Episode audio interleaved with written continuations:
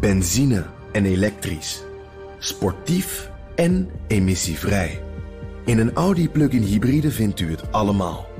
Ervaar de A6, Q5, Q7 en Q8 standaard met quattro vierwielaandrijving. Wat u ook zoekt, u vindt het in een Audi. Audi. Voorsprong door techniek. De column van Bernard Hammelburg. 20 jaar na 9-11 gebeuren er twee dingen. Vanzelfsprekend herleeft het gevoel van diepe vernedering en groot verdriet. Niet alleen hier in New York, maar overal in de Verenigde Staten en daarbuiten.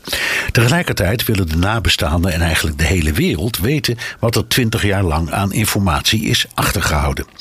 Er is veel dat we al weten. Bijvoorbeeld dat 20 jaar oorlog in Afghanistan, de wraakactie voor 9-11, zou leiden tot een droevig verlies en chaos van een overhaaste en beschamende aftocht.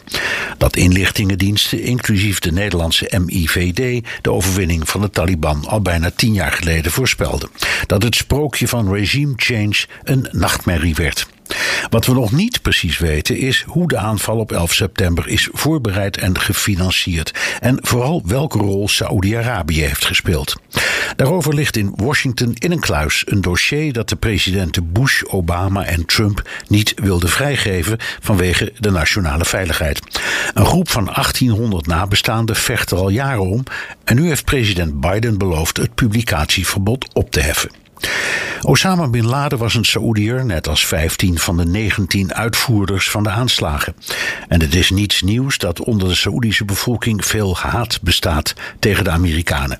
Na de Eerste Golfoorlog bijvoorbeeld vroeg de Saoedische koning aan Bush senior of hij alsjeblieft zijn troepen uit het land wilde terugtrekken, omdat de aanwezigheid van tienduizenden decadente ongelovigen enorme agressie teweegbracht. De vraag is natuurlijk wat er nou zo staatsgevaarlijk is als blijkt dat Saoedi-Arabië inderdaad bij 9-11 betrokken was. Dat zit volgens mij zo. Amerika moet er niet aan denken dat het Saoedische koningshuis ten val zou komen. De oppositie onder de bevolking is vaak fanatieker wahhabistisch dan het koningshuis. Dus liever een aardsconservatieve koning dan een kloon van de Taliban.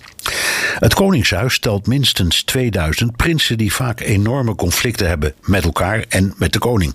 De kans dat onder die prinsen strategische, principiële en vooral financiële bondgenoten van Al-Qaeda zaten is aanzienlijk. Als dat in dat geheime Amerikaanse rapport staat, komen er niet alleen rechtszaken van nabestaanden, maar wellicht ook strafzaken tegen het Koninklijk Huis. Erger nog, misschien opereerde Al-Qaeda ook vanuit de Verenigde Staten zelf. Dat soort onthullingen is in het voordeel van één gevreesde tegenstander en aardsvijand, Iran. Als Biden woord houdt, is om in Midden-Oosten termen te blijven, de geest uit de fles. Dan komt de waarheid aan het licht en waarheid en geopolitiek belang zijn vaak als de polen van een magneet. Benzine en elektrisch. Sportief en emissievrij. In een Audi plug-in hybride vindt u het allemaal. Ervaar de A6, Q5, Q7 en Q8 standaard met quattro vierwielaandrijving. Wat u ook zoekt, u vindt het in een Audi. Audi. Voorsprong door techniek.